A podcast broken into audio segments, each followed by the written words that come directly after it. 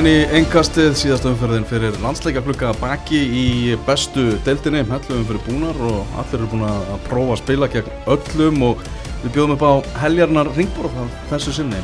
Ég, Elvar Geir, Sæpil Stænke, er hérna Valur Gunnarsson og Sverrir Marr. Það er fjóramanna ringborða að fara yfir þetta allt saman, við ætlum einnig að velja úrvalslið bestu deildarinnar hinga til uh, lengjudeildarhóttnið, landsliðið, biti í þriðjudeldinni og jafnvel fókbalti.net byggar getum, getum kannski minnst á, minnst, á, minnst á hann líka en Gaman að því. byrjum á bara umferðinni sem að, sem að baki er og uh, vikingar er að fara inn í landsleika klukkan með fimmstu á fórustu unnu þrjú eitt sigur á móti frömmurum í leik sem að klára að stela bara í, í fyrriháleik og stækið, aldrei líklegir framarandir til að minka munin í, setni ekki eina sekundi og bara það var fyrir mistök vikinga að þeir skoruðu þetta eina mark sitt í í lók fyrirháleiks Mm. bara mistök í, í uppspili að vera að byggja ekkert kannski um eitthvað sem hann er ekki alveg 100% með og, og upp úr því vinna framar á boltan og á vítaspinnu mm -hmm. þetta var aldrei í neittni hættu hjá vikingi og þeir þurftu ekki að vera neitt góðu til þess að vinna hann leik. Nei, þetta var bara, þessi leikur var svolítið bara eins og tímabilið og viking hefur verið í. Ótrúlega konsi konsistant einhvern veginn bara og stabilir og bara góðir mm. og já, bara sildi þessu heim. Að þú segir góð, mér fannst þeir ekki eins og það góður Nei, fyrir ekki, öryggir já, annar sem þetta notar er skilvirkir. Já, Já. já, það þeir, voru búin að fá þrjú færi og komnir í þrjú núr Mm. það er eiginlega þannig. Þeir voru, já, Fyrst við erum í stóru orðunum þá voru þeir líka bara rosalega samfærandi sko. þeir voru á lausu boltana er þeir miklu meiri þú veist, miklu meiri rándir heldur en hérna eru tilbúin að geta boltan tilbúin að ná honum og koma sér í bara dauðafæri upp bara með gæði, Já. eru náttúrulega með rosalega gæði þarna fram á þau sko. Og hérna, og og þeir fram að við og líka inn á miðsvæðinu. Já, bara allstæðar Já, skilur já. en þú veist, talandi um að vinna boltan og bara, og ég minn eins og staðan í dag þá eru þau bara langbesta liðið. Fær, fær eitthvað stöðu á viking Sverrir?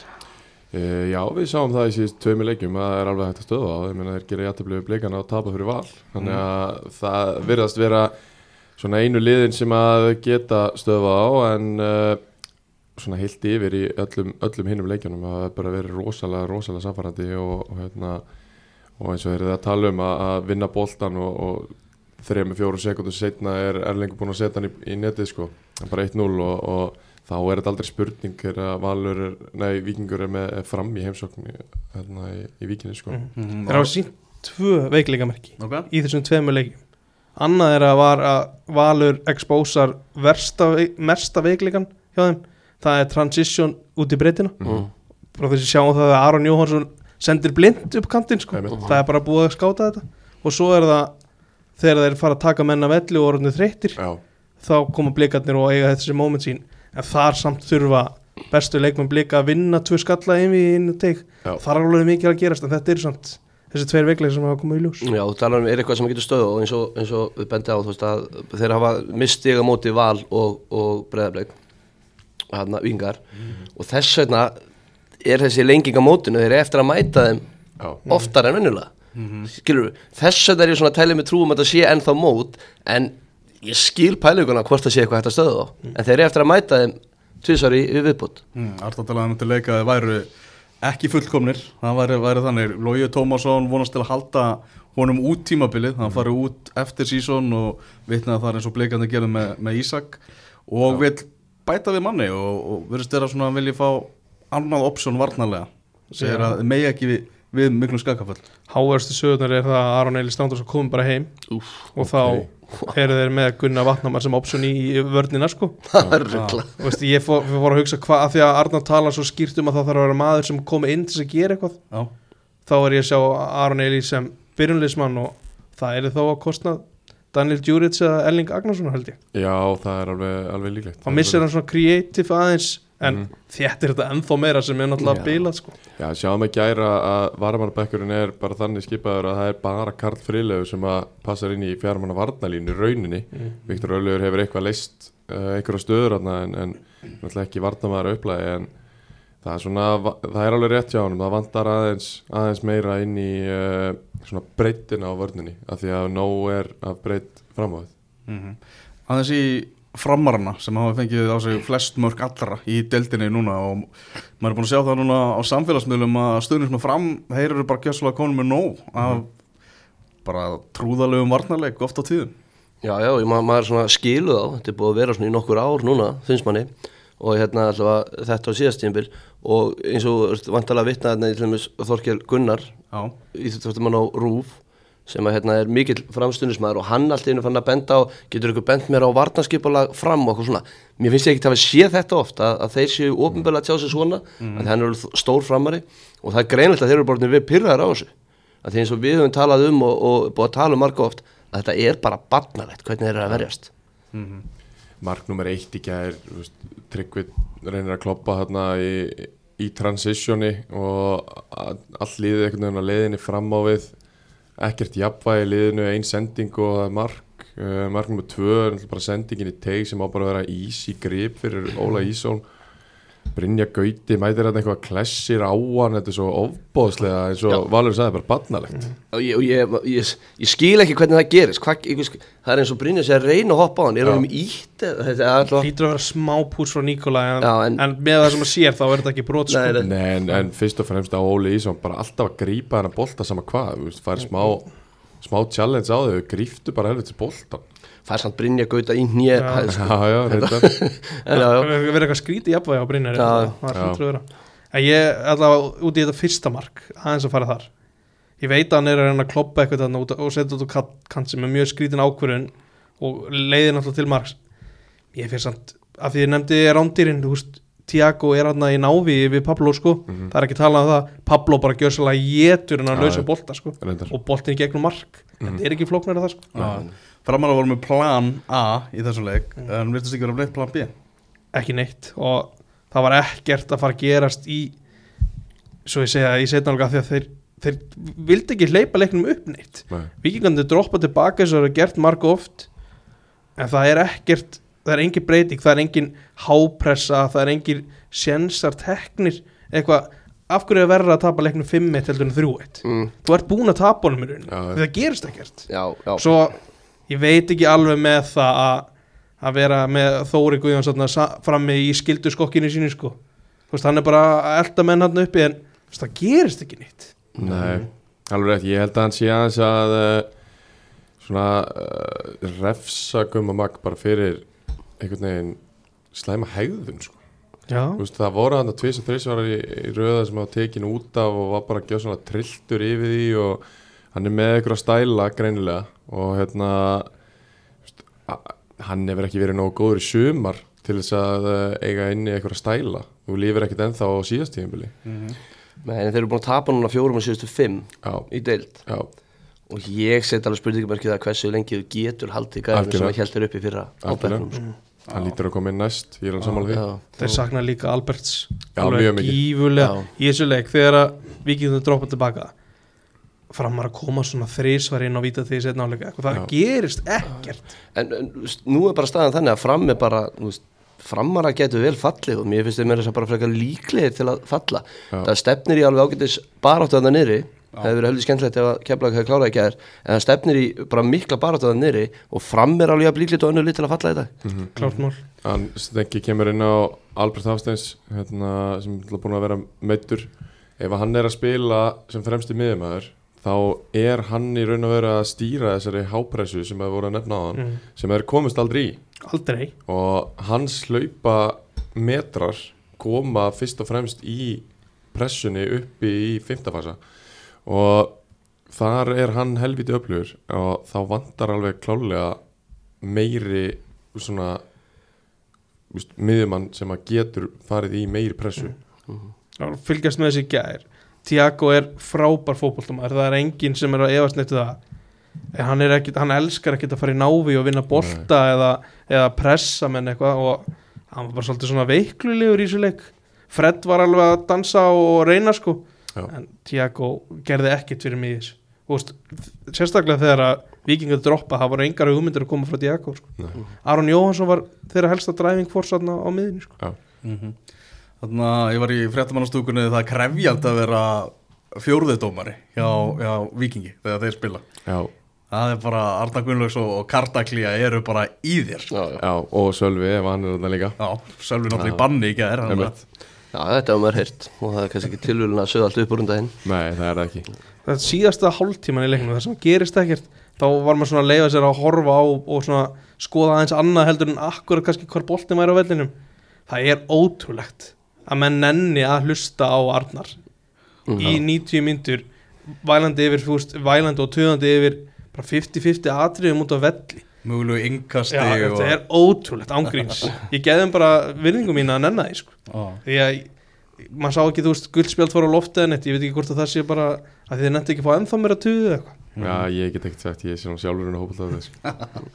Það er eitt að vera inn á vellinum, já Mér finnst það, mér finnst það alltaf Reyndar kannski, Já. já, Arna Gunnlaugs að tala um svona þreytu eins og eiginlega bara allir þjálfarar eftir, eftir þessa umferð og sást svolítið í setni áleika sem þeir voru bara að landa þessu vikingar og framarar ekki að gera neitt þannig að hann var ekki upp á marga fiska. Hver fannst ykkur bestur á vellinum?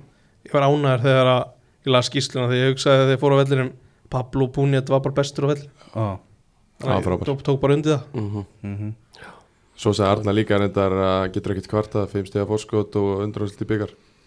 já, eftir þessa törn Já. þannig að þú getur ekki komið betur út úr þessu Nei. bara, Það þegar við tölum varnarleik fram Hann var kannski, þetta var svo skrítin þessu fyrstu tömörk og alveg þetta Mm. pinpointa nákvæmlega hvað það er Þriðja markið er, það er samt fáránlegt Það er Bara Já, Delfin líka. er ekkert Já. eðla hægur Já. og Óli Ísson á að loka já, já. Já. þetta er ekki gott hjá framhverjum Ég veit, og þú veist, mér fannst bara margir ekki nógu góður inn á þessum velli Hlinur allir droppa djúft gerir ekkert fyrir mig þegar líður á leikin hverju mixar ekki nonni upp þegar þeir droppa tilbaka? Gera meira, gera þetta hrað mm Mhm. Gumi Magg kemur inn á þegar tæplega 20 myndir eftir. Já, gera þetta miklu fyrr. Miklu fyrir sko Og hann hefði bara getað tekið lína alltaf út á og sett gumma makk inn á fyrir hann sko. klárlega, hann hafði ekkert hlutverk Nei, nema að já. vera dútla með boltan aftast. Ég er samanlega sem segir en þeir voru samt að tapa fyrir viking Já, þetta er ekki eins og þetta sé leikurinn sem að er eitthvað hægt að horfi og segja þessi allt glæta það eru kannski leikinnir á undan. Það er alltaf að geta reynd að blása eitthvað upp hann. Það er það sem ég svektastur við að það er ekki það er ekki mixan inn upp, það er ekki sett hápressa í fimm myndur og reyna að gera eitthvað. nei, þeir fá aldrei inn að sensa sko. Uh, eins og segja, vikingar með, með fimmstega fórustu á bú, umræðan svona búin að vera eins og þetta sé einvi vikings og breyðabliks en í öðru sætti er Valur sem að vann 5-0 sigur á móti Háka. Og nú horfði ég á fyrriháleikin áður en ég fór í Fossvóðin í gæðir og með við fyrriháleikin þá var þetta ekki 5-0 leikur. Nei, alveg klálega ekki, ég var alltaf að lýsa þessum leika á Stöðusport, mm Mhm. mætti þannig aðeins og seint eftir uh, nokkur atvika í Akransöllinni þá leti þar. En uh, það hérna Háka voru bara eins og Tryggvi sagði sjálfur í viðtalinu bara á einhverju leiti betri í fyrirháleik svona til að byrja með. Þeir fengu hérna dauða færi þegar að Arþór Ari sleppur í gegn. Fredrik Skram bara mættur í andlita ánum alveg á 0-1 og lokaði á hann en uh, svo kemur þetta mark bara nákvæmlega eins og Valur skoraði á móti Viking sem að hafi verið svona svipaður leikur svona frekar lokaður og svo kemur bara einn sending út á kant og Tryggvi keiri bara stað, göttar inn og setur hann í fjær. 1-0 og hérna svona mér fannst Háká kannski ekkit brotna endilega við það en þegar að sitni hálfleikur fór á stað og gengu valsar bara á lægið og trúin fór hjá Háká og veginn, þá var þetta ofbóðslega tilvílina kent og þegar það var komið 4-0 eðlilega þá minkaði tempóð gjössanlega niður ekki neitt. Og að gefa ákvæður heldur þó áfram að reyna en, en þeir höfðu bara aldrei neitt kraft til þess að gera neitt sko. Tryggvi Rapp, hann ætlar sannlega að, bætast sína tölfræði svo um munar á þessu tímafili heldur betur. Og bara gaman að sjá sjá hann á að tengja saman leiki og, og hérna, vera ekki að detta út í, í nokkra eins og hann hefur verið að gera hérna, aftur og aftur síðust ár. Uh, meittist auðvitað aðeins í vetur og kom svona hægt og róli inn í þetta en núna verðist hann bara vera komin í 100% toppstand og þá er hann bara einna betri leikmennu deildarinnar, það er bara klárt mál. Hann er, hefur hæfileikana og getur gert allt sem hann vill inn á fótboltavelli. Og síndi það hann í gæri í, í báðum þessu mörgum og, og leggur svo upp þetta, þetta setna mark Patrik Pedersen sem Mhm. fymta mark vals þar sem hann uh, var nýbúin að sleppa sjálfur í gegn eitthvað móti markmanni og ætlaði að vippa. En uh, Arna Freyr varði þá laði hann bara næst til þér og, og fengur bara í sér tapin.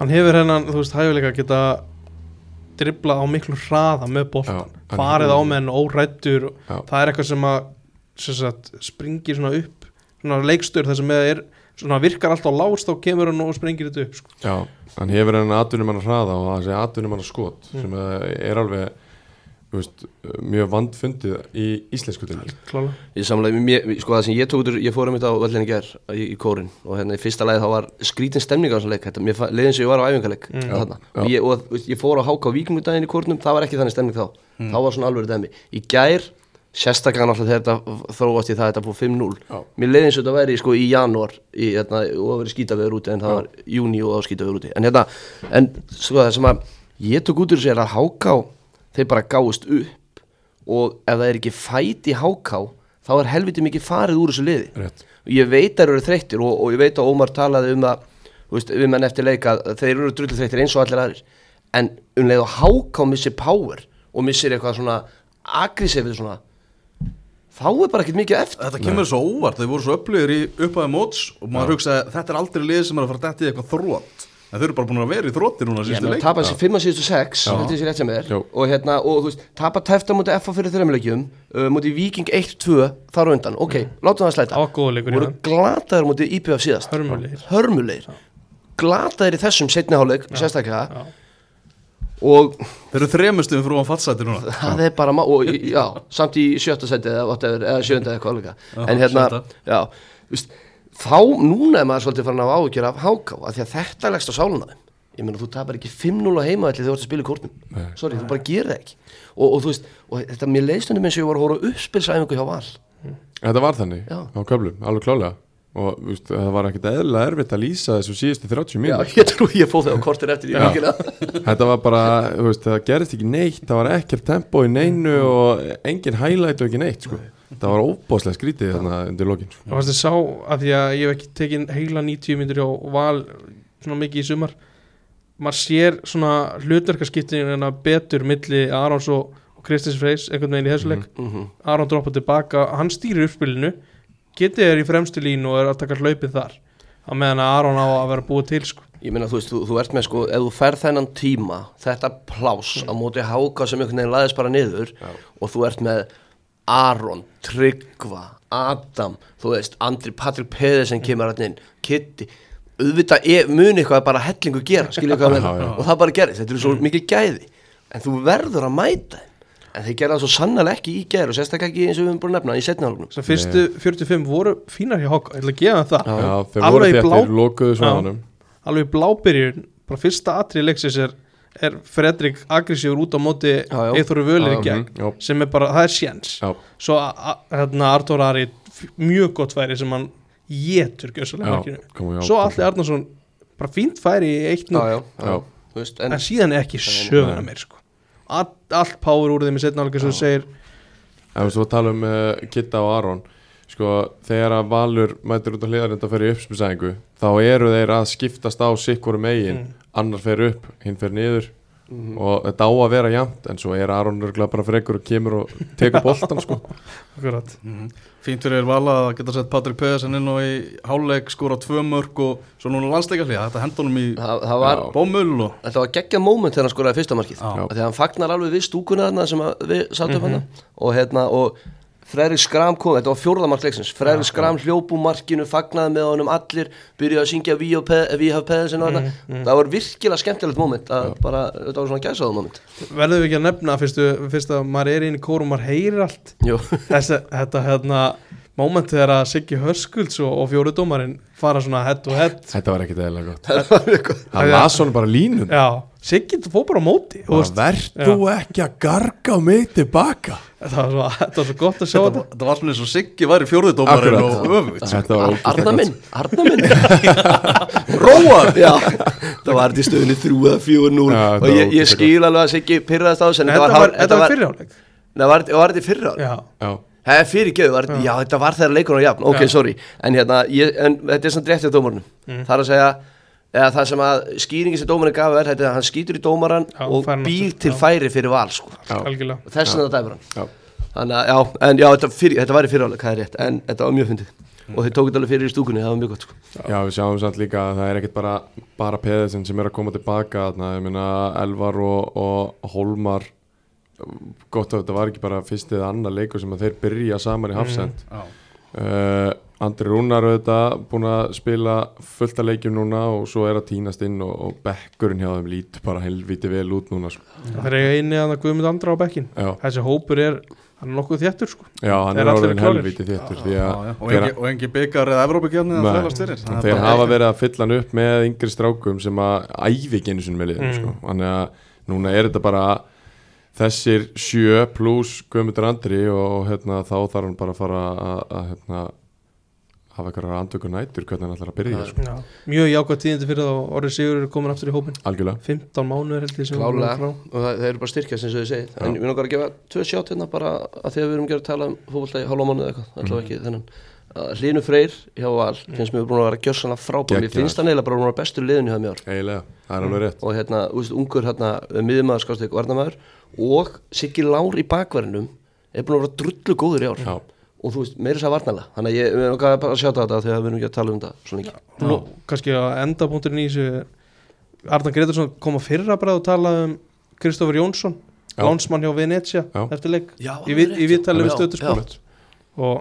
Við, við þetta er annarkvort kemur hann inn eða Venetia kaupur hann og þá kaupir Valur einhvern annan já, þannig að þeir eru að fá 19. mannin einhvern meginn inn í þetta já, 20. 20. segja Já.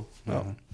Fyrir þá í, í Kaplakrika þar sem að FH Breiðarblik gerði 2-2 játefli Blikar komast í 2-0 en Davís Nær Jóhansson sem er sterkasti leikmaður umfæranar í bóði steipu stöðvarinnar skoraði tvíveðis hefði getað skorað fleiri mörg Já. 2-2 enduðu leikar í stór skemmtilegum fótballaleik þar sem FH voru betri Þeir voru það. Og þeir voru það líka í fyrirháleik í byggaleiknum fyrir viku síðan. Og hérna heimir virðist vera úst, með einhvers konar ég veit ekki, leikreiningu sem að virkar á móti breyðablík og hérna nær, nær að setja alvöru pressu á bleikaliði sem að þeir eru ekkert vanir að fá. Og veginn svona hápressun og ákæðin í F-liðinu skein í gegn þarna í gær og bleikandi voru bara í bastli og maður sér það ekkert oft svona sko. Nei. Skemmtilegu leikvalur Já, heldur betur, ég hérna ég skal viðkjöna því ég sá stöðuna í hálfleik við vorum að keppa hana saman tíma eða, leiknir, þegar ég sá stöðuna í hálfleik að því ég fór á byggarleikin og ég sá hérna og þá sá ég þetta og eftir að Gísli kom inn á í byggarleiknum þá hugsaði ég bara, ok, þetta er alltaf hann að liða þegar að fara að rúla yfir þetta. Þegar hann var komið með sterkasta liðið sitt inn á í setnaðleik ég hugsaði bara þegar var 2-0 í hálfleik, ég hugsaði bara, já, ok, hann er að spila á sterkasta liðinu sínu allan ekki núna. Og ég held að myndi rúla yfir þetta. 2-1 jáleik Já, já, já, því ég sá að staðan var já, 2-0 já, hérna í já. og svo hérna náttúrulega bara sá ég horfði á leikin og þetta var bara enga veginn þannig. Nei. blíkar eru bara ekki að spila góðan bolta í dag finnst mér. Þeir eru brassi þeir eru bara í brasi ég bara, mér, veist, ég er erfitt með að finna margar einhverjar príma framistöður hjá breyðabliki í sumar.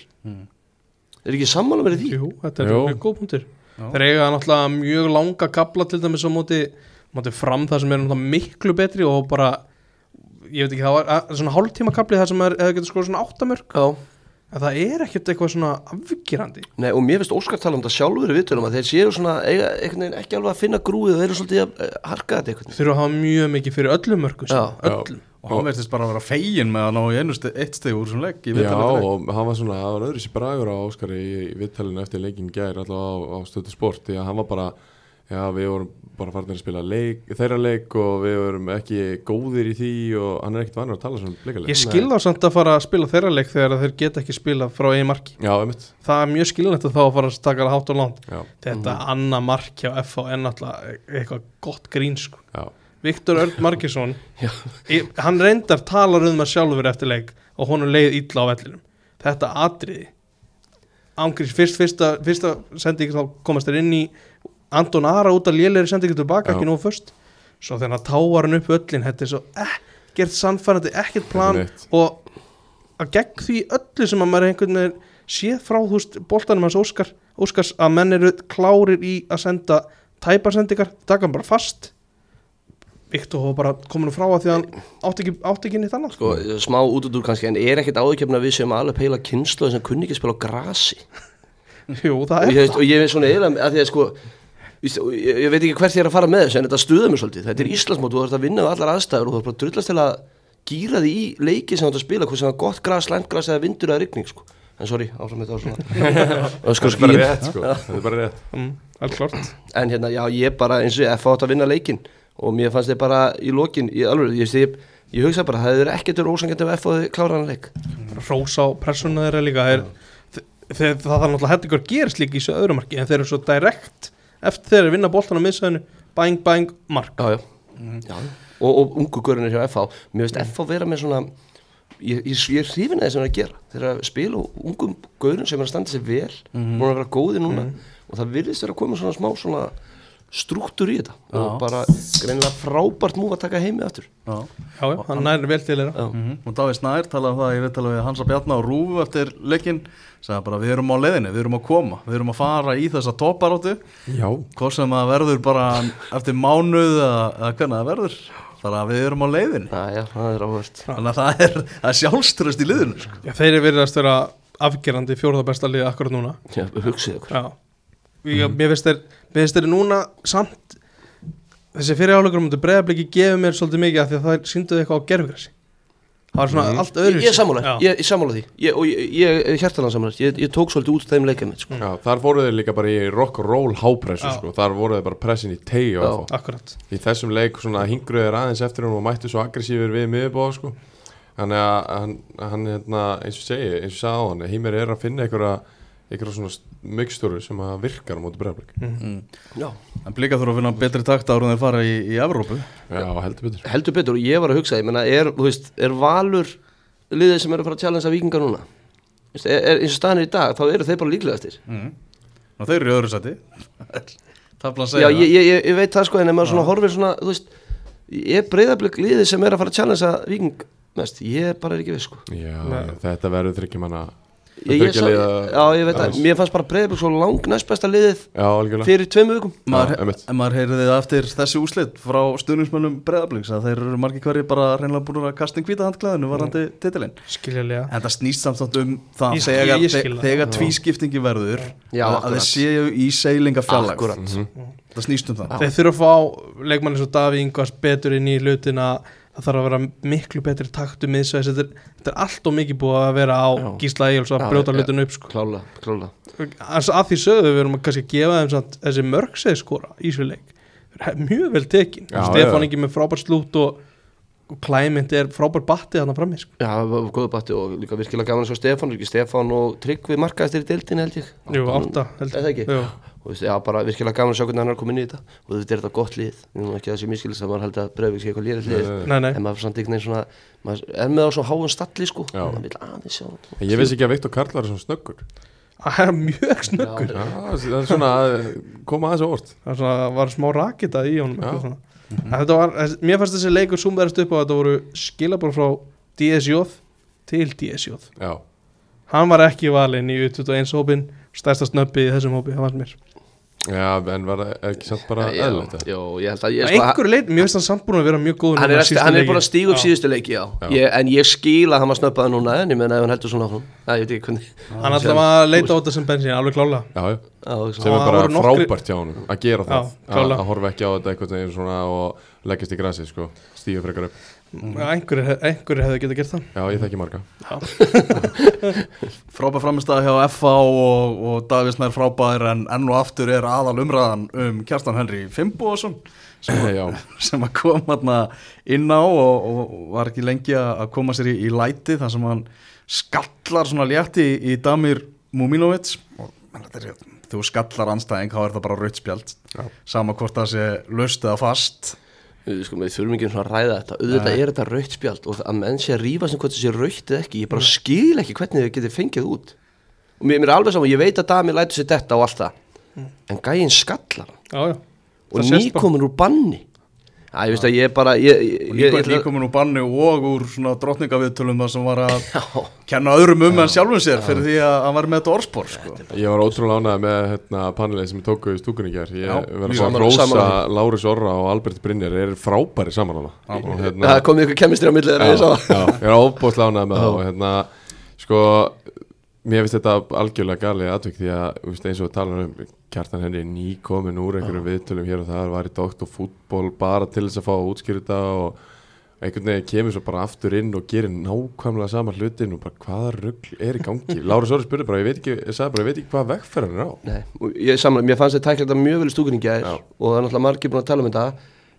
Þetta er mitt máli, bara ákvaða vegferðstu þegar þú ert nýkomin úr banni þú ert reynsluboltinu liðinu og ég meina, ég skil bara ekki hvernig hann fekk guldspjald ef hann sá þetta en ef, að, ef hann fæk guldspjald fyrir eitthvað sem gerist á eftir á þá er vantarlega þetta dæmi þessu setna Já, Þegar auðvitað er þetta, sáka, sorry, Ég- ég, nenni ég- ekki að tala um það, þetta er rautspjald og ef ykkur að segja þetta ekki rautspjald þá skil ég ekki hvernig það er hægt að fá það út. Guldspjald sem að Sigur Hjörtur gaf ég held, hann hafi bara hreinlega verið að giska. Það var Já. veginn, voru einhver læti og eitthvað og hann bara heyrði bara báða. bara guld og báða og áframgak hafa ekki basically vita hvað gekk á. En þú veist, er hægt að horfa á atri og skilja af hverju damir fyrir guldspjald?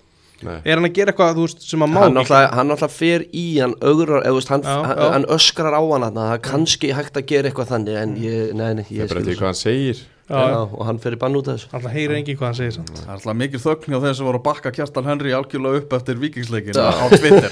Já. ég held að þeir geta ekki fundið eitthvað rögg lengur sko. Áttu blikar að fá eitthvað raukt? Ég, mér, aftur, ég ætla bara aftur að samanlega sverja, ég ætla að rósa stúkunni gær mér varst Lárus tæklaða vel, setna gula hjá á, sem hann átti að fá hann, Alex var ekki Alex hann. Nei, Alex, enna, já Hann sagði mér að það er að fara rauk fyrir þetta var ekki þessum brot Já. Ég gatt sé það, ég Já. skildi það alveg, það teik. Já. Einhverju vildu fá beint raukt á, á Viktor fyrir tæklingun akkurat í því Já, atri. ég- Nei, Nei, nei, Nei, nei, nei. nei, nei, nei. nei Nei. 2-2 2-2, stór skemmtilega leikur þetta skemmtilegasti leikur sumarsins Já, hörku Já, skemmtilegur frábæra leikur.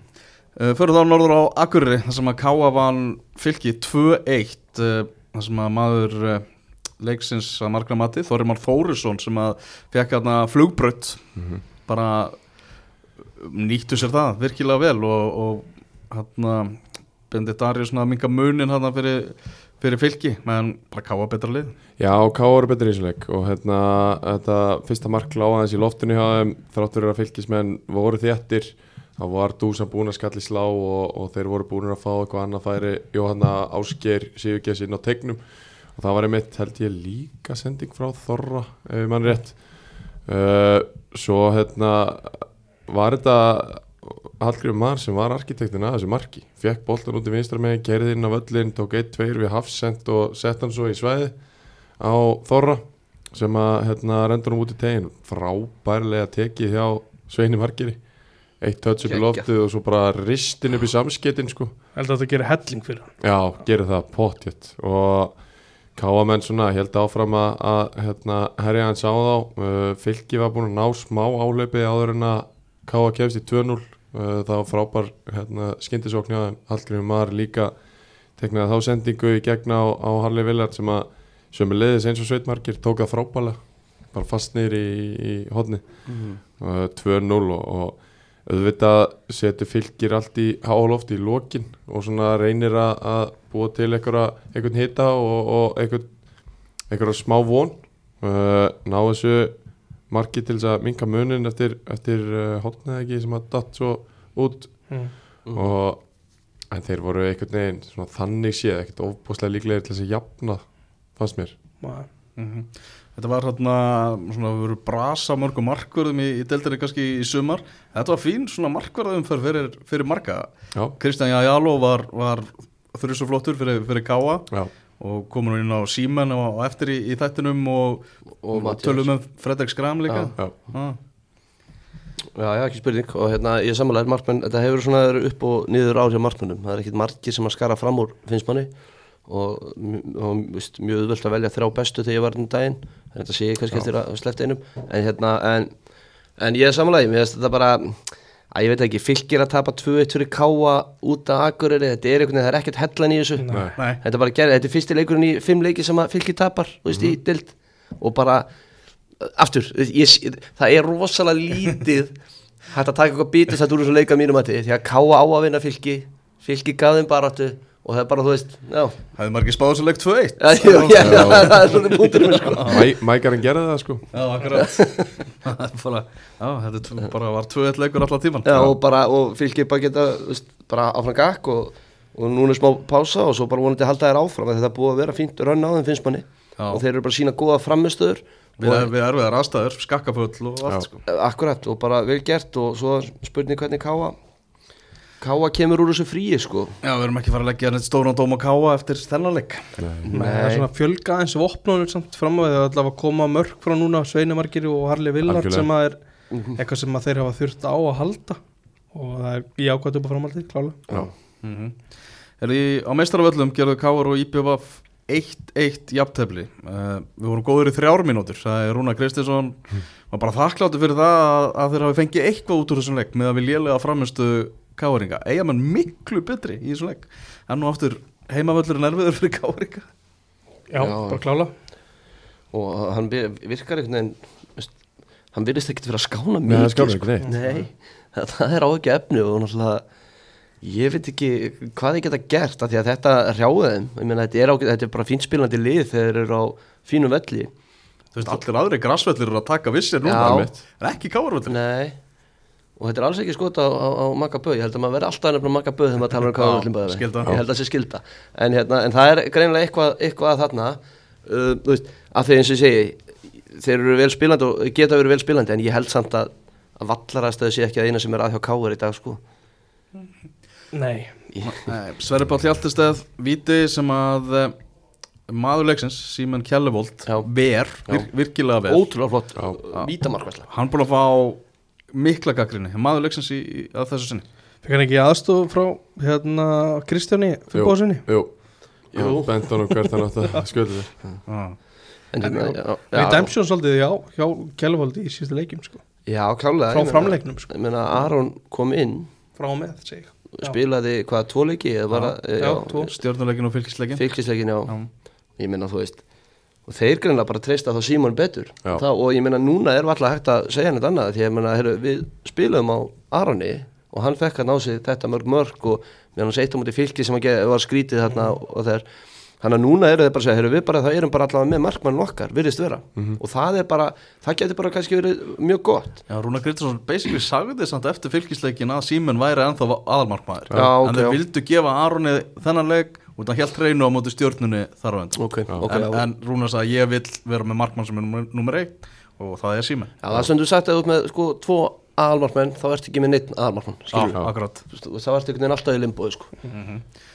Sigur Bjartur Hallsson, hann skorur hérna á 69. mínútu. Og eins og segi, bara þert ekki að gangi leiksins. Já, algjörlega, Ég- hérna horfði á þessa aukarspyndu teknaðanir á miðunni og hugsaði að Bjarni með aukarspynduna Nei, já, þetta, þetta er Jóakitti Þetta var bara alveg nákvæmlega eins og pappans hefði spyntu sinni tegin Þetta er ótrúlegt að fylgjast með svona að beigir sig aftur einhvern veginn alveg eins og setur svona pappa sem farin að setja magan svolítið út Já, svona í akkurat. lokin sko Þetta var bara alveg eins Djúvel það er gaman að þessu maður. frábælega tekið á Sigur Bjarti reyndar Já, virkilega verið uh, klárað með. Já, og það hefði náttúrulega verið maður hefði bara sár vorkent í BVF ef þeir hefðu ekki fengið neitt út úr þessu leik með að vega hvernig þeir Já. spiluðu og þeir náðu jöfnumarkinu vítaspilna á 92. mínútu þá fór Felix á punktinn og, og ekki brást honum búið á listin eh, Dómurinn, hann hefur verið eitthvað umdildur var þetta ekki bara púra víti? Þetta er bara mesta víti sem ég hef séð. Hann löppina á sparkar fast í löppin hann. Það Sigur Bjartur sem brýtur af sér eða ekki Já, Jú, mér finnst það. það, jú. Já.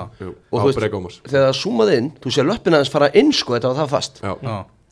ég skil ekki hvernig þetta dýpend á Það það er ótrúlega klauvalega gert að- að að- að gefa þetta viti sko. Heldur betur. það hefði bara getað staðið þarna og vísað honum út sko Já. Þannig að eitt eitt niðurstaðan, hvað gerir þetta fyrir þessi lið í framhaldinu, Stangan?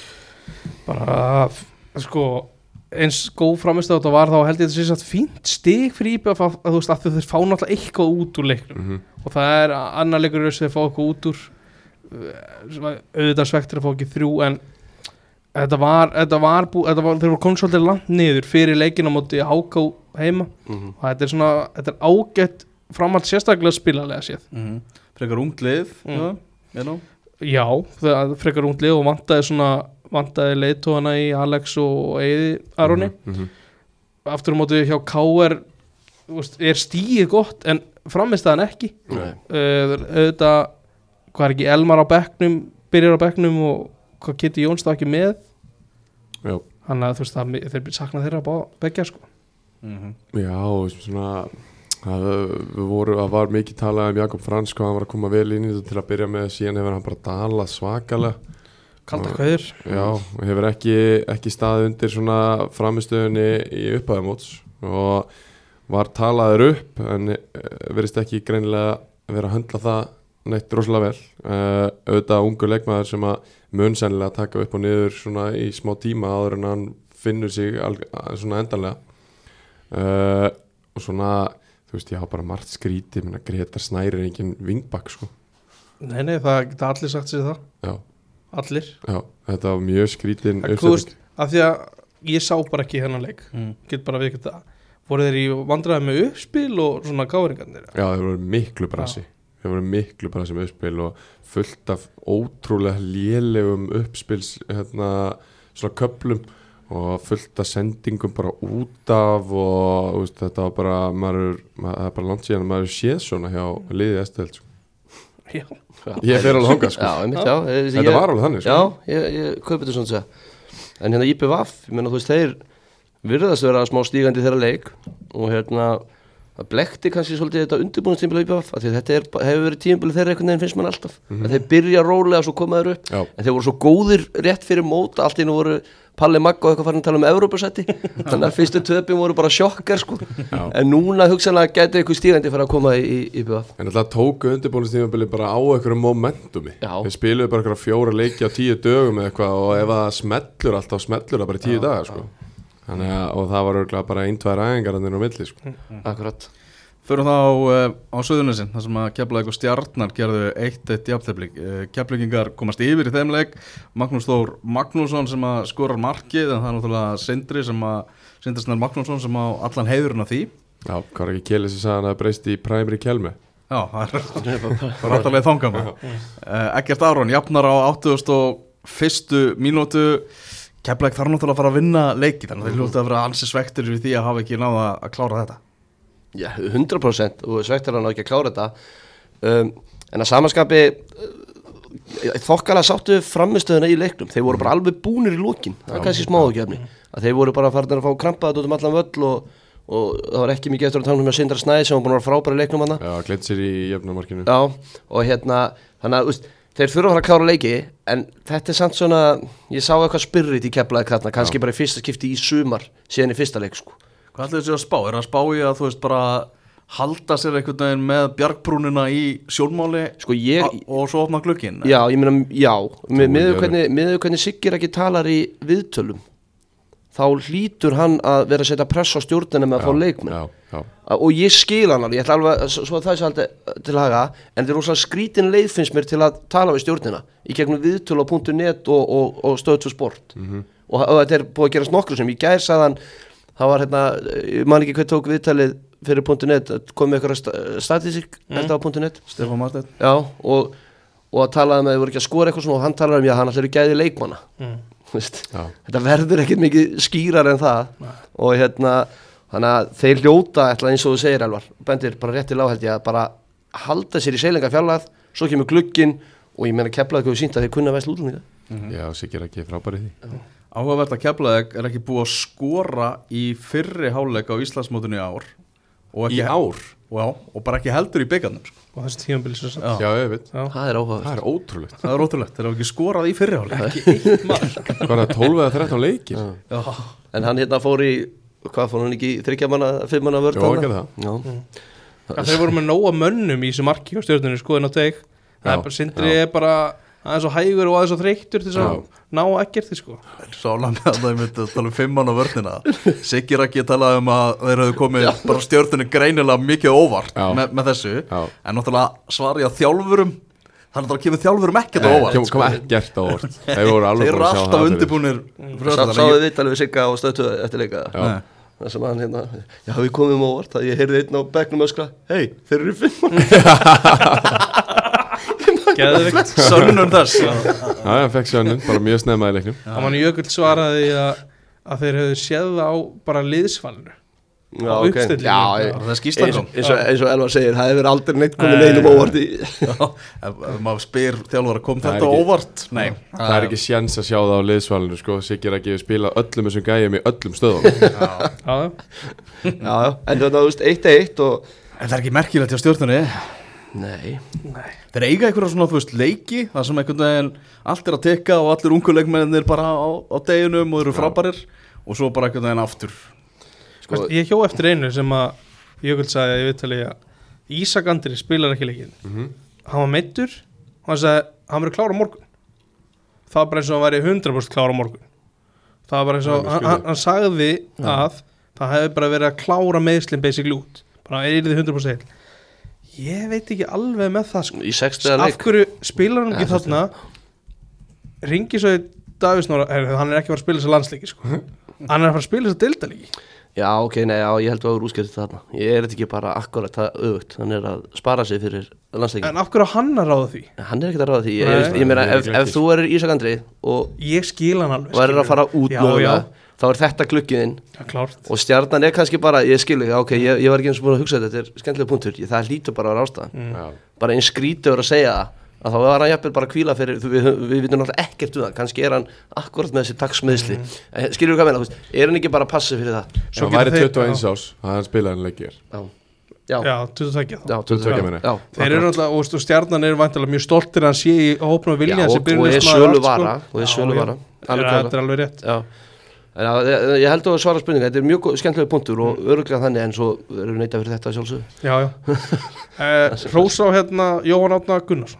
Hann kemur inn og breytir aðeins leiknum fast mér. Já, Eftir að hafa ekki komið inn á sérstakur á móti Káar verið út í kuldanum, verið á bekknum. Bara átt erfitt sumar. Já, það kom mér á óvart að hann, þessi innkoma hjá hann af því að, af því að bara út, út frá þessum mótlæti sko. kom hann ekki inn á fyrir himma? Nei, hann, nei, kom inn einhver örvar held ég það voru ekki þessu svona, mér fannst fyrir já, Örvar, voru, aðeins að bara mixa upp í þessu og hann bara gerði vel. Já, himmi tekin út af þarna, og góðu punktur í skýslunum með tjá.net að tala um að Hilmar er tekin út af þegar þeir eru að leita marki sko. Mm.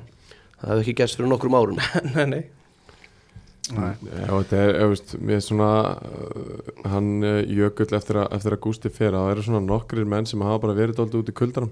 Meðal hans hans maður, Sindri Þór hefur bara verið á bekknum með öllum leikjum Jón Átni sömu leiðis og hérna hann hefur svona farið meira í þess að yngri gæja og, og það hefur greinilega verið eitthvað debate hjá þeim þjálfuronu tveimur hvort að, að veist, hversu mikið þeir ætti að nota þessu ungu stjórnumenn og hérna hann Jökull hefur greinilega verið yfir í því á endanum. Eða þá þeir hafa verið að jögla þessu sín á milli og ákveði alltaf hinnan lausnina og bara, herra ég verða einhverju. Gæti verið. Já, já, mögulega þannig var uh, þessi 11. umferð í bestu deildinni. Já, kannski hægt að nefna að Keflíkar geta alveg verið svolítið svektir held ég með eina stóra ákvörðin í sér leik.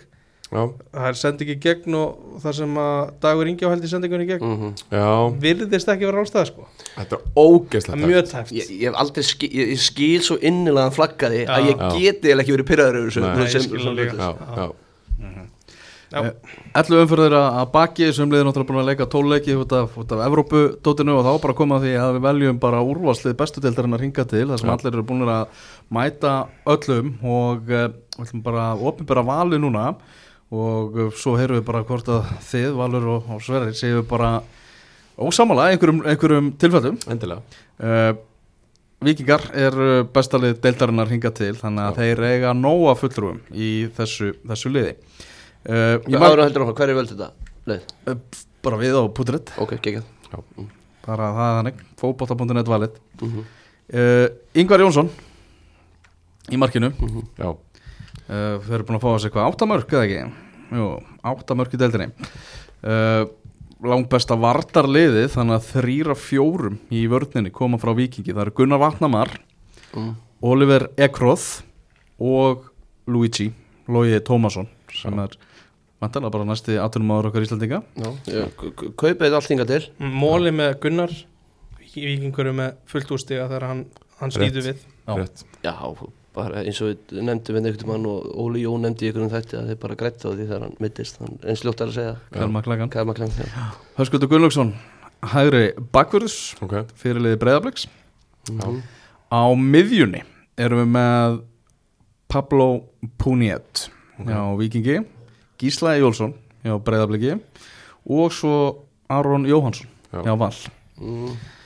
fremstu þrýr Ég var til að sjá Já. uh, fremstu þrýr er uh, Birnir Snæður Ingarsson Mhm. hjá Víkingi Stefán Ingi Sigurðarsson hjá Breiðabliki og Tryggvi Haraldsson hjá Val já, uh, svona þegar við vorum að setja saman það var uh, Örvar Eggertsson að gera svona stert tilkall. En einhvern veginn já, við svolítið bara fjara undan honum. Já, Það var flottur í upphafið þegar HK voru flottir en, en svo hefur fjara undan honum með liðinu. Já, en bankaði hins vegar allra ekki þetta, þetta er mjög upplugt lið og Þetta er eins og að kalda hverður að þetta mægi já, Adam Ægir kom svo sannarlega til greina þarna líka Ég var einmitt að hugsa með En tryggva það er erfitt- upp og ofan en hann er markastur í dildinni á samt já. Já. Það er erfitt að taka einhvern úr þessu Það er það liðu og sko. sé, Já, það, er, það er Já. svona það erfiðasta sko. Ég er sammála að vala að Hlynur Freyr mætti alveg vera þarna og, og sko þó að Gunnar Vatnamar hafi verið frábær þá hefur hann aðeins mist úr og það, það var svona alveg möguleiki á að setja þarna inn í staðin fyrir Gunnar en frammistaðan hans hefur náttúrulega verið frábær. Já, já, ég, ég myndi ekki vilja taka Gunnar og mér finnst hann að vera það góður. En ég, en, ég, en ég væri til að tróða hlýni eitthvað starf inn en það er eins og segir, það er erfitt að taka ykkur út en hérna, mér finnst Hlynur Freyr hafa verið gjössanlega frábær Já, og bara virkilega uh, bara komur á óvart hvað hann bara kom strax hérna í þetta. Já, Við erum með, líka- byr, við erum með Byrnast Ingarsson í liðinu hann er búin að vera fjórusunum í geggjaður. 100% jafn oft og já, einmitt, einmitt. En já, og svo vantalega Freyri Skram, hinn markmaður sem kom til greina. Já, já, En Bestamarkmaður Íslands vilja alls með meina? Já, þeir Og segja margir. Já, það er bara ég sá Aron var að tala um landslisumræði í gær. Mm. Ég er ekki alveg að segja það Mér finnst hann ekki alveg nú góður til tegin til að Hvað er það sem að vantar upp á Út í einmitt? tegin Já, Mér finnst bara hann ekki öruggur grípa út í bolta. tegin Já, þú veist að mér finnst ég svona uh, aðeins þar Svo stundum með lappina líka Ég er svona sem ekki kannski múin að sjá Nóg mikið af því En þetta er besti shotstopper í deildinni Barnón sko. 100% alveg bara, það er virkilega gaman að horfa á hann í marki og bara, ég er ógislega ánæður að hann sé í dildin okkar. Já, það er erfitt að hafa annan þjálfara heldur en Arna Gunnlaugsson já, sem, sem þjálfara. Nei, það er ekkert erfitt en, þú mynd, þitt atkvæði myndi fara á annan mann. En heimi Guðans, ég myndi bara ég myndi 100% setja en auðvitað er Arnar, á auðvitað, á Arnar talveg skilið þannig, en ég myndi velja heimi Guðansson ég meina Já, ég meina þú veist, vikingar eru að gera ógeðaslega vel og þeir eru bara, eins og við erum búin að tala um, þeir eru svona stabilasta liðið, þeir eru besta liðið og auðvitað má það þjálfara vera þar. En ef við tökum þetta, ef við skiptum deildinu upp, það eru þrjú bestu liðin, það eru bara allir sammála um það. Og vikingar eru búin að fá eitt steg á móti rétt, í fyrirumfyrinni. rétt Aftur, ég vil samt ekki náða lóminn sem ég sé ekki á móti, að því að auðvitað á Arnar skilja að vera þarna og allt það, en þú veist, ég myndi velja heimi Guðjóns að því að vera með FH í fjórðasæti með, bara með þennan hóp og þetta lið og hvað þeir eru að gera mér finnst það bara afreg Já, ég get alveg tekið undir það FH kem, er lið, lið sem hefur komið mér mest óvart auk, reyndar ásamt vikingi sko. ég meina við tölum um það í fyrst þegar við vorum í pokastinu hérna í þriðjum fyrir eitthvað Mm. Að bara FH væri bara fallkandidat og hérna sem væri svona eitt af þessum léluguliðum í deltinni að norður á móti Káa einhvern veginn allt breytist þegar Björn Daniel meittist Já, og við leitum bara ekki vel út. Töpuðu líka þegar þeir áttu actually góðan leik á móti fylki þannig að þetta leit bara mjög já ekki út á sko. mitt Já. fjögur tvö og mitt Já. að bara hvað er að fara að fá stig? Já. Þeir eru samt alveg 13 stegum á eftir vikingi sko. 100% Já, það er líka góð mútur eiga leikunni Já, að Nei, nei, ég skil á, ég hvað sjálfsögðu kaup í Arnar og ég ætla ekki að gera máli því. En ég hugsa að ég myndi velja heimi ef það hafi verið snúðu på höndra Já, ég fór, á, fór í á vikingsvöldinni gerð og skrifaði um vikingur fram. Og þá svona rifiðast náttúrulega upp fyrir mér að ég skrifaði líka um úslitaðleik Reykjavíkumótsins þegar þessi lið mættust. Já, það sem að framar rauninu fjögur eitt sigur og Arna Gunnlaugsson kom í viðtal eftir leik og bara lísti yfir miklum áhyggjum. Alveg rétt, já. Já, og, hana, og bara skýr skilabóð inn í leikmálahópin ég hef með að hugsa er þetta ekki bara ákveðin vendipunktur fyrir vikinga það þið tapa þessum leik. Arna Gunnarsson kemur í þetta viðtal með þess að þrumuræðu og bara le- leist ekkert á blikuna. Eftir það þarna byrjaði, byrjaði vikingur að malla Já, já, og ég meina þetta er bara góði þjálfari. Þú næra mótið að vera leikmenn. Og ég meina þetta er lið sem búið að vera núna í title contention og unni titilin fyrir tveimur árum. Þetta, þú þarft að vera góði þjálfari til að halda allum á tánum. Algjörlega. Og þú veist, heyri bara hvernig Djuric talar um hann og aðrir skilur, þetta er náttúrulega bara Arnar er að gera frábara hluti en eðlilega og bara augljóslega. Og þetta er einmitt eins og þú segir, bara vannmeti hvernig þú nærða móti vera liðið bara ár eftir ár og leik eftir leik. Einmitt. Eftir svona smá vonbreiða tíðanbili í fyrra og gerir ekkert ofbáslega marga breytingar á hópnum það kemur ekkert með mjög svipaðan hóp inn í þetta tíðanbili núna og er ekkert bara búin að snúa hausnum að þeim við. Já, þetta er allt annað lið samt af því að þetta, þetta viðtal var mjög gott ég ætla ekki að taka neitt af því en mér veist þetta lið bara breytast á einu mómenti mhm. Þegar Kyle McLagan miðst það er, þetta er Já. bara svo langfræði að vera sama fótballtalið Já. bara allt öðru vísi fótballtalið lið spila miklu meira solid, miklu þjættari að við hefum nefnt atriði sem þetta er núna þar sem að liður að tapa boltanum allt fyrir vesen. Þetta er allt miklu þjættar hjá vikinga þannig að verður ekki vesen. Já, og já. þegar að Kæl meðist ekki nóg með það að Gunnar Vatnamar kemur inn heldur þarf Halldór Smári líka að stígu upp við það sko. algjörlega. Góð punktur. og, og já, ekki spurning. Og ég ma, bara, maður tekur ekki neitt af Arnari og hann áður náttúrulega alveg 120% skili sko, svo því sjálflega en hérna, Já hald- halda halda okkur í Arnari? eða? Jú. Já, Ég fannst líka að því að við nefndu að ég nefndi alltaf í fyrstu þáttunum hann talaði alltaf um stóru kallana Já. af því að þeir spiluðu ekki á móti breyðabliki þessi stóru kallar. Já, þeir hafa svo heldur betur haft Já. áhrif á já, Pablo, Nico, Matti ég held að þetta séu stóru kallarnir hans. Já, Halldór Smári Já, potið Landsleika hlið núna næst spilaði deildinni 2003 Ég held að það sé ekki ennþá orðið uppselt á slóki viðlegin Það lítur að fara þetta bara núna á morgun, ég ætla ekki sko Svo er Bjarsitt fyrir landsleikin já, já, Það ég er alveg nokkuð bjarsitt sko. Ég hérna held að ég býst við svona skemmtilegum breytingum á liðinu. Uh, ég held að við sjáum bæði Willum og, og hérna Al Albert í byrjanleginu Ok, já, í svona Já. nokkrum spjöllum þá heyrist mér það að vera að gerast. Og hérna- sé að fara að byrja.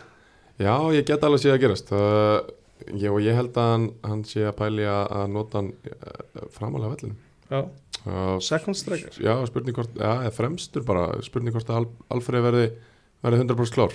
Og Ok, gæti alveg orðið eitthvað svoleiðis. Mér finnst þetta að þú nefnir Albert. Ég fór að hugsa þetta í gæri og hlusta á viðtalið sem að Gummi tók við hann og Mhm. svörina og fréttamannafundirum. Mér finnst allt benda til þess að Albert komi inn á að eigi að vera impact varmær Og það, Já, yes, að það var, gæti verið bara Já. ég að heyra eitthvað sem að ég, já, mm, svona eitthvað sem að ég var að reyna að tengja við sko. Já, ég held að verði bara tíunni sko. Heldur við verðum með tíu? Já, tvei djúpir og einn ein tíu. Það er þegar við erum að sækja þá. Þannig að hann, ég held að þegar við verjumst þá erum við með tvo frammi sko. og þá er Albert á annar af þeim. Já, Já, já ok, þetta kemur mér órt ég sé þetta, sé þetta fara þannig. Með viljum þá Ok, þetta, þetta verður Þetta er áhugavert, Þetta sko. er mjög áhugavert Mm. sko Já, 17. júni 1845 held ég að leikur byrji og miðasal á text.is já, ég er bara, ég er svona orðin smá spenntur aftur fyrir Mhm, næstum algjörlega. klálega. það er svona það sem ég tek út úr þessu nýju þjálfara og öðru sko Já, maður vonar, svo, svo vonar maður bara að vera eitthvað spirit Þú veist, að maður sjá eitthvað svona Þú veist, eh, að þó maður sé ekki alltaf að tala um þetta gamla góða En, en þú veist, að maður sjá bara svona smá fight og smá spirit Og, og menn séu virkilega í þessu sko.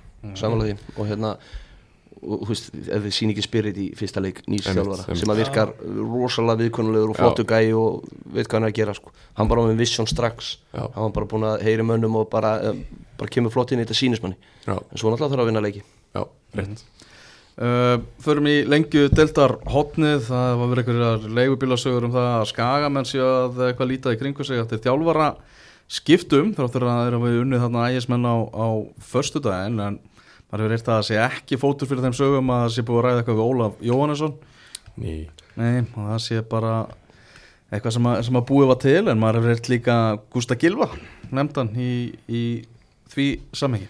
Já, það meika miklu meira sens allavega Já, En uh, ég held samt að sé, sé jú, jú, kannski fótið fyrir, jú, kannski bara búið að heyri í þeim en, en mér finnst það samt skrítið að, hérna, ég held væri, ég væri svektur ef þetta er 100% sannleikur uh, út í ekkert formann að hérna, ef hann er búin að ringja í aðra þjálfara á meðan Jón Þóru en þau starfi, ég, ég myndi finnast það skrítið. Mm. við reyndar ekki að tala við ekkert um þetta en hérna, ertu kannski að fara að gera það?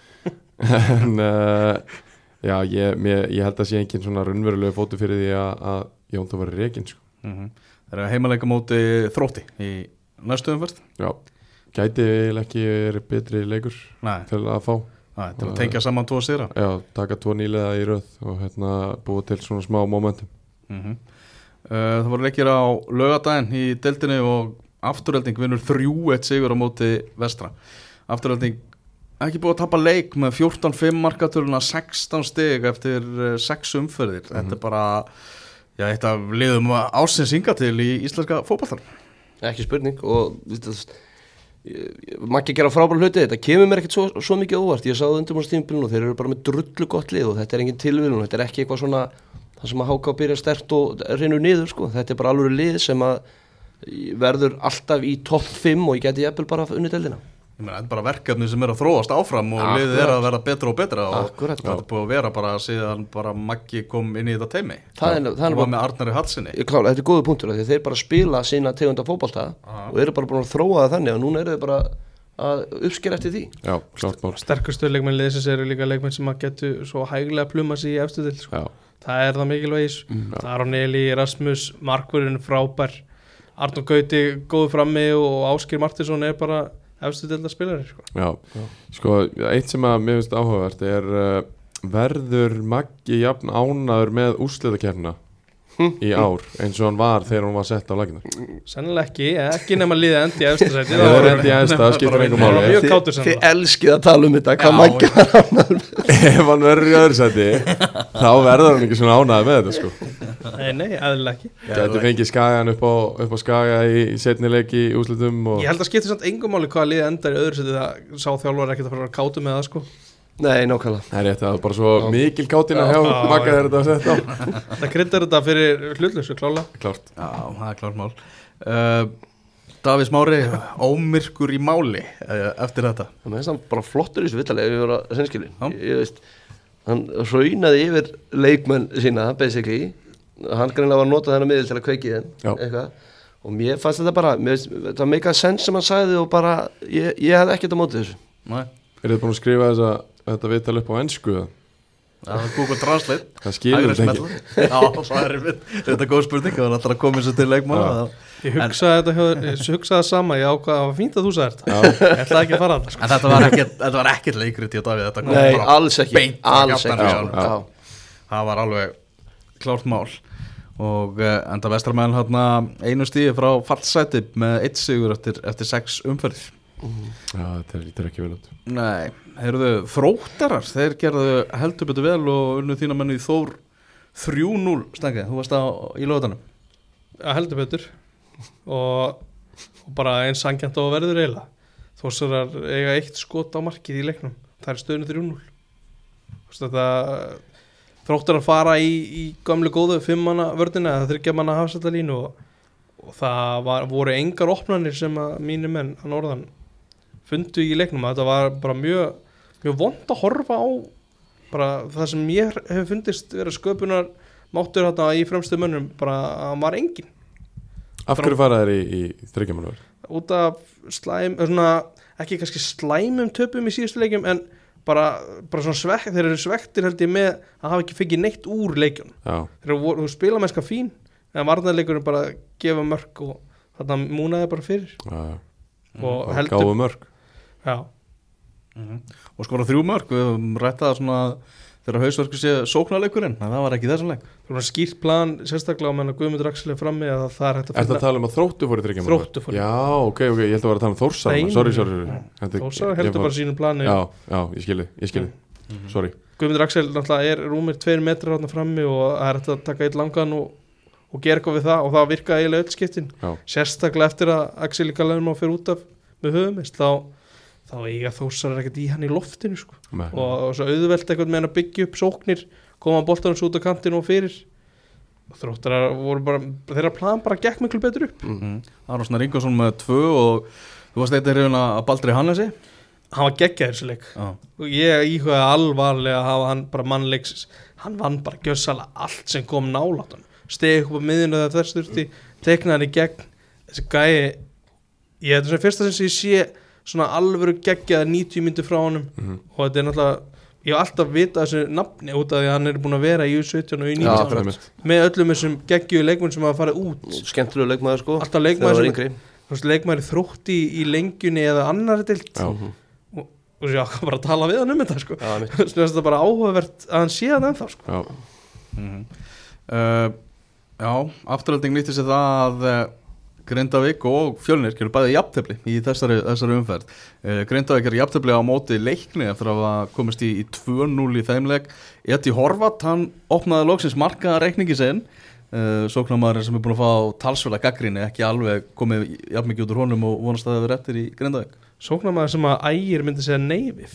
Það fannst mér svo, stort Já, Mhm. Batti sagði það í útastættinum á lögadaginn mitt Já, ég var, ég var náttúrulega var aðna á þessum leik hjá leikni og afturhaldi, nei, ég leifti og leikni og grindaðik og það var skemmtilegu leikur á mörgur leiti, þú veist, sem að svona eftir að higgja leiknir hefði alveg mátt vinna hann leik sko. Þú veist, það vantaði eitthvað Óskar Örd fer út af í fyriráleik hjá Grindavík. Gauðli Já. Gauði Lís í banni, Dagur, Ausmann middur Já, svo er eitthvað veikindi, gubbuböst og Já, eitthvað. já, það verður gaman að vinna en það var leiknir með 4,2 í XG og hinn er 2,4 eða eitthvað 4,2 Já, þetta voru líka færi sem var að klúra þetta er búið að vera svolítið gegnum gangti á leikni það er að gefa allt of auðveld mörg Já, bara allt of auðveld mörg og klúra dauðafærm já, það sást best í skæðaleiknum örgulega Já, klálega Og maður svo átt að skora þrennu þar. Ég er að segja það og, veist, Ómar svo er komið með eitthvað fjögumör Já, en áður að koma svona 12 mörg Já, færi sem er búin að fá sko. 4,2 er það ekki bara að hæsta á Íslandi í Ég sumar? ekki, sko. Ég, ég, ég fekk þetta sent, ég vona að þetta sé rétt um 4,26 mér að segja. En Færi sem hérna- að vera að klúra það var Já, ég svaka. veit það, það var bara þannig. En hérna,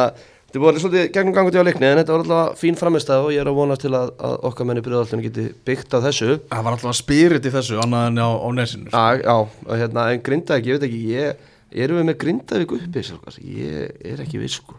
Og ég meina, núna, veist, Óskar, meðist, og ég, held að hann geti að tóknað, sko, aðeins ég Já. segi nokkuð, sko, eða, fullir eitthvað en það, en, veist, En, en er Grindavík sko með þessa reynslu þennan mannskap þegar þeir fara, menn að sjá hvað eru flottir í byggaketninni þegar þeir fara í útsláttar keppnir að þú veist, úrslita á, á, það keppnina er góða punktur, þá eru þeir bara fullorði lið tilbúið í þetta sko. Eftir heilt tíðan byrjant, Já, Já, já, og ég sá það í sem fyrsta leik upp á Skaga að þeir einmitt eru bara fullori lið, þeir voru ekkert að stressa sig í eina sekundu þeir settu bara eitt langan skoru eftir fjóra mínútur svo voru þeir bara í vörð restina leiknum og þeim leiði bara rosalega vel sko. Stórleikur komandi umfæðan er Grindavík fjölnir á 50. skvöld á 15 skuldið, áhvert, já, ég, ég skal ekki, ég, er einleikurinn sem ég sé með Grindavík og það er kannski ósangjönd að dæma út frá þessum að því að þetta er marga þarna, sko. með að þú segir að Óskar að fara á velli í fyrraháleik og Guðjón Pétur að taka setnileikin í banni á móti fjölni, Já, það er rétt. þá er ég myndi segja að fjölni verður bara feyfurist þar. Já, Ég myndi alltaf setja fjölni favorites, já, sama, það er svo sem ég veit ekki, já, en hvernig er andrúrslóftið í, í bregðaltinni? en, Það var allt vittlust þegar ég setti það ekki í, í top 5 í í þungavittinni í februar vitlu sjá hverjum. Þjálfaratíminu, ég þekki þetta þar Nú, ok, já, ég bara hefði örgulega verið með þar ég, Mér finnst þetta ennþá bara frekar rólegt sko. Ég, var, að- ef, veist, ég veit ekki hvort að það sé ágefni en hérna en, en mm, ég veit það ekki, me- menn eru ekki byrjar að stressa sig mikið. Ok, en ég sem náttúrulega halgjörna leinsmár og ég var á bekknum hann að síðast að markmannsælan var í burtu. Mm veist, ég horf bara á þetta þannig við þurfum að vera frúan tölið í lók tímabils. Já. ég er bara þar og ég menna þú veist ég, ég, og ég vona bara að við förum á rönn og hérna og, og þá eru við alveg með gæði í þessu liði þannig að við getum alveg, þú veist, unnið við getum tekið rönn og unnið 2-3 leikir röð. Mér finnst Já. við vera með posta þarna inni. Finnum bara hægt að gefa mark þegar hitliði fyrir yfir miðju þá Mhm. bara hætta, já. Það er svolítið þreytt. Já, Þannig að- já, það er margt í leikleikni sem að er mjög jákvætt. Eins og segir, ég meina 4,2 í XG og þú skorar úr nokkurum að þessum færum að þá er þetta bara frábæð sigur Já, sko. og einmitt, þú sást skagaleikin skilur veist, það er ekki leikur sem að leiknir átt að tapa að Nei, alls ekki, alls og ekki. hérna, þannig að, þú veist, en ef og hefði. Þannig að förum aðeins í þriðju deildina. Hvernig er ástriða, hvernig er upptaka? Hvernig Eh, kemur nýr þáttir Það er stórleikur í kvöld Já. þannig að uh, Víður og Ögnablik uh, þeir, þeir fá að vera með í þessum þætti þannig að við ætlum að svona leifa hitanum aðeins að lifa Já, uh, úr höllinni í gær og hérna komum svo í, í kvöld og tökum upp eftir hennan uh, síðasta leik í, í, í, í hérna, þessari umferð Mhm. Maður bitinn í fótinn útskjöra mig, eh, hvað gerðist þarna? Ég las fréttina, hvað er að gera þarna? Uh, þeir lenda í návíinni teig þar sem að uh, hérna, gæin er á, á undan í boltan og, og káramæðurinn brýtur á honum og ásett ómarið dæmir aukarspunni strax réttilega svo liggja þær hann hlið við hlið og, og spánverinn snýr sér við og tekur utan um löppin á honum og býtur hann í kálvan Þannig að hann bara var bara hérna með. Já, og það svona glefsar í hann. Þú getur séð þetta í slóma og svona glefsar í hann. Og hérna annar káramæður uh, bara hoppar beint á hausin á hann og rýfur hann af. Og hérna og þeir fá báðir raut spjald sá sem býtur og, og sá sem að að stekkur á hann. Og hérna, ég veit ekki mér finnst það eðli viðbröð að horfa á liðsfélaga sinn bitin í fótinn og, og reyna að rýfa mannin af uh, kálvanum á honum. En hérna, en jú, þetta var tekið svona og það var alvöru hiti í þessum leik Var þetta eitthvað, er þetta eitthvað dýpri sag á milli þessar tveggja? Alls ekki, Nei. þetta var bara einhverjar átjá mínútur af bara svona menna kljást á, á kantinum sko Hvað Eins og- hva, hva ferilega í gegnum hugan á mönnum þeir Þetta er gera? bara ástriða. Nei, þetta er svo Þetta er ekki ástriða. Allt, allt annað en það sem að maður er tilbúin að standa fyrir sko Ég hef ekki, ekki lent í þessu áður og hérna, ég bara get ekki skilið hvað fór, fór í gegnum hugsan Þetta mál krufið nánar í, í ástriðinni heldur betur. En uh, talandi um ástriðuna þá er að byrja á eftir, eftir viku á mánudaginn þá fer byggakeppni neðri deltarlega fótbolti.net byggarinn á stað og, og vel við hæfi að, svona, að það er skallagrimur KFA, austurbandalagið sem að mætast í opnunuleik á mánudagskvöldið. Aðri leikir hérna í 32 kjálegu úrslitum verða séðan á miðugudaginn Mhm. þetta verður partí. Þetta er sniðut, þetta er Já. skemmtilegt dæmi Hvenær hérna klárast það, hvað er verið að spila? Er þetta, er úslaldaleikurinn á lögadalsvelli í, Já, Já, hann er á lögatarsvöldi Er hann á lögadalsvelli? Já. lokaleikur. Geðvikt Já, það verður bara að vara ákveðið að í fyrsta árið bara svona, þá verður bara að byrja með þetta á lögatarsvelli og svo bara sé hvernig það hefnast Ok, svo er möguleika á því að svona kannski á næsta ári verður þetta fært á Vikingsvöll, Valsvöll Já, eitthvað, eitthvað að þessu svona Brilliant. bestu, bestu en þetta mun enda þetta, þetta árið á, á lögatarsvelli já Ég er mjög, mjög gaman að þessu, ég er mjög spenntið fyrir þessu kefni Ég held að, hérna, að verði, verði gaman að fylgjast með þessu. Já, mikið svona var þemað svolítið í fyrstu umfyrinni það eru liðin út á landi þau eru að koma í bæinn. Já, liðin á, á höfuborgarsæðinu voru mikið að fá heimalegi þegar dreifið var hann Já, nema Kári, við förum á Ólasfjörð fer að heimsæki frændu mína þar sem hafa verið, hafa verið að býta frá sér í annar deildinni. Hvernig er með ferða, er ykkur ferðastyrkur sérstakur fyrir þessa keppni eða er þetta bara liðin rætta sér? Það ekki ekki. Nei, já, það er bara, Bara liðin rætta? já, þetta er bara sömu, það eru sömu reglur í þessu og bara í Já, byggakefni þannig að Ok. 50-50 ferða Já, ok, áhört og, Það fljúgum við. og þetta meira þess að te- þetta meira þess að tengist þannig að spjöldin tengjast mjölkubyggarinn og þessi Já, ok. byggar sko. Ok, þannig að ef þú ert, fegst bann í mjölkubyggarnum þá ertu að fara að taka það út í, í þessari kefni já, Það er bara þannig, þetta, þetta verður áhugavert, ég geti séð leikja program allt saman inn á KSI og svo munum við náttúrulega ja, fara nánar í það uh, þegar nær drefur. Heldur betur já Eru þið eitthvað, eitthvað að lokum, strókar? Er ekki tannig Þá bara fyrir að segja þetta gott í engastinu að, að þessu sinni, þetta var svona ringborð, eh, 11 umferðir búnar í þessu og engastið verður að sjálfsögðu líka á dagskrá í kringum landsleikina sem framöndan eru. Verðið sæl.